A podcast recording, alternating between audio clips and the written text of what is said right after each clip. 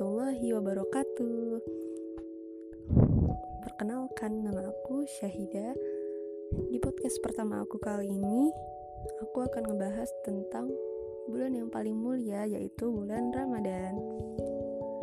Ramadan tahun ini sepertinya akan berbeda ya dari Ramadan tahun-tahun sebelumnya Karena Ramadan tahun ini kita akan melaluinya dalam masa pandemi.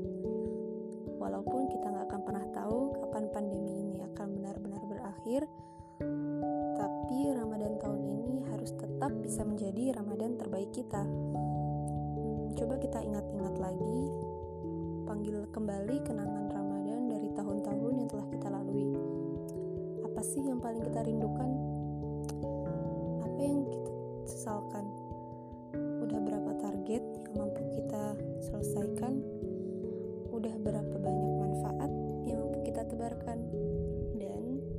berapa banyak harta yang kita wakafkan.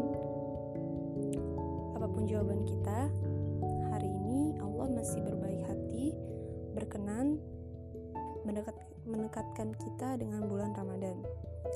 Bagaimanapun kondisinya dalam masa karantina ataupun harus beraktivitas keluar rumah Ramadan tetap tidak boleh disia-siakan. Maka Ayo maksimalkan puasa, tilawah Al-Quran, dan amalan lain yang bisa kita lakukan dalam karantina. Kita juga nggak akan pernah tahu siapa yang lebih dulu selesai, masa pandemi atau usia kita di bumi. Semoga Allah selalu memberikan kesehatan, keselamatan, dan kemudahan dalam menjalani masa yang sulit ini ya. Hmm, coba kita tengok hati kita Sudahkah ia bergetar merindukan Ramadan? Sudahkah ia bersuka cita menyambut datangnya bulan suci ini? Karena langkah pertama yang mempersiapkan Ramadan terbaik adalah dengan memaksimalkan keagungan Ramadan.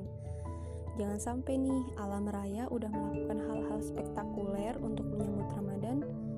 Pintu langit dibuka, setan dibelenggu, ada malam seribu bulan, malaikat-malaikat turun, sedangkan kita malah lempeng dan cuek.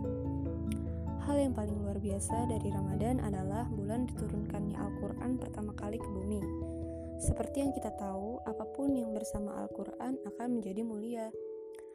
Manusia yang pertama menyampaikan Al-Quran jadi manusia terbaik sepanjang zaman, yaitu Nabi Muhammad SAW.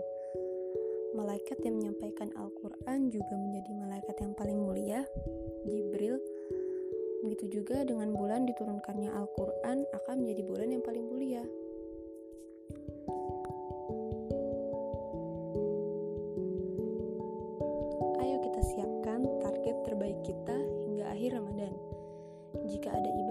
Bisa kita lakukan di, karena karantina, pastikan kita cari penggantinya. Percayalah, masih banyak kesempatan beribadah walau hanya di dalam rumah. Mau berapa kali hatam Quran, mau berapa lama tahajudnya, mau infak seberapa besar, mau membuat proyek kebaikan apa, tempel target tersebut di kamarmu, doakan setiap hari, maka minta Allah berkenan memudahkan untuk mengabulkannya. Ajak teman-teman kita untuk saling berlomba dalam kebaikan, untuk berkolaborasi menciptakan kebaikan. Jadikan Ramadan ini momentum transformasi kebaikan. Buat kita tak akan pernah menyesal jika Ramadan tahun ini benar-benar jadi Ramadan terakhir kita. Sekian dari aku. Assalamualaikum warahmatullahi wabarakatuh.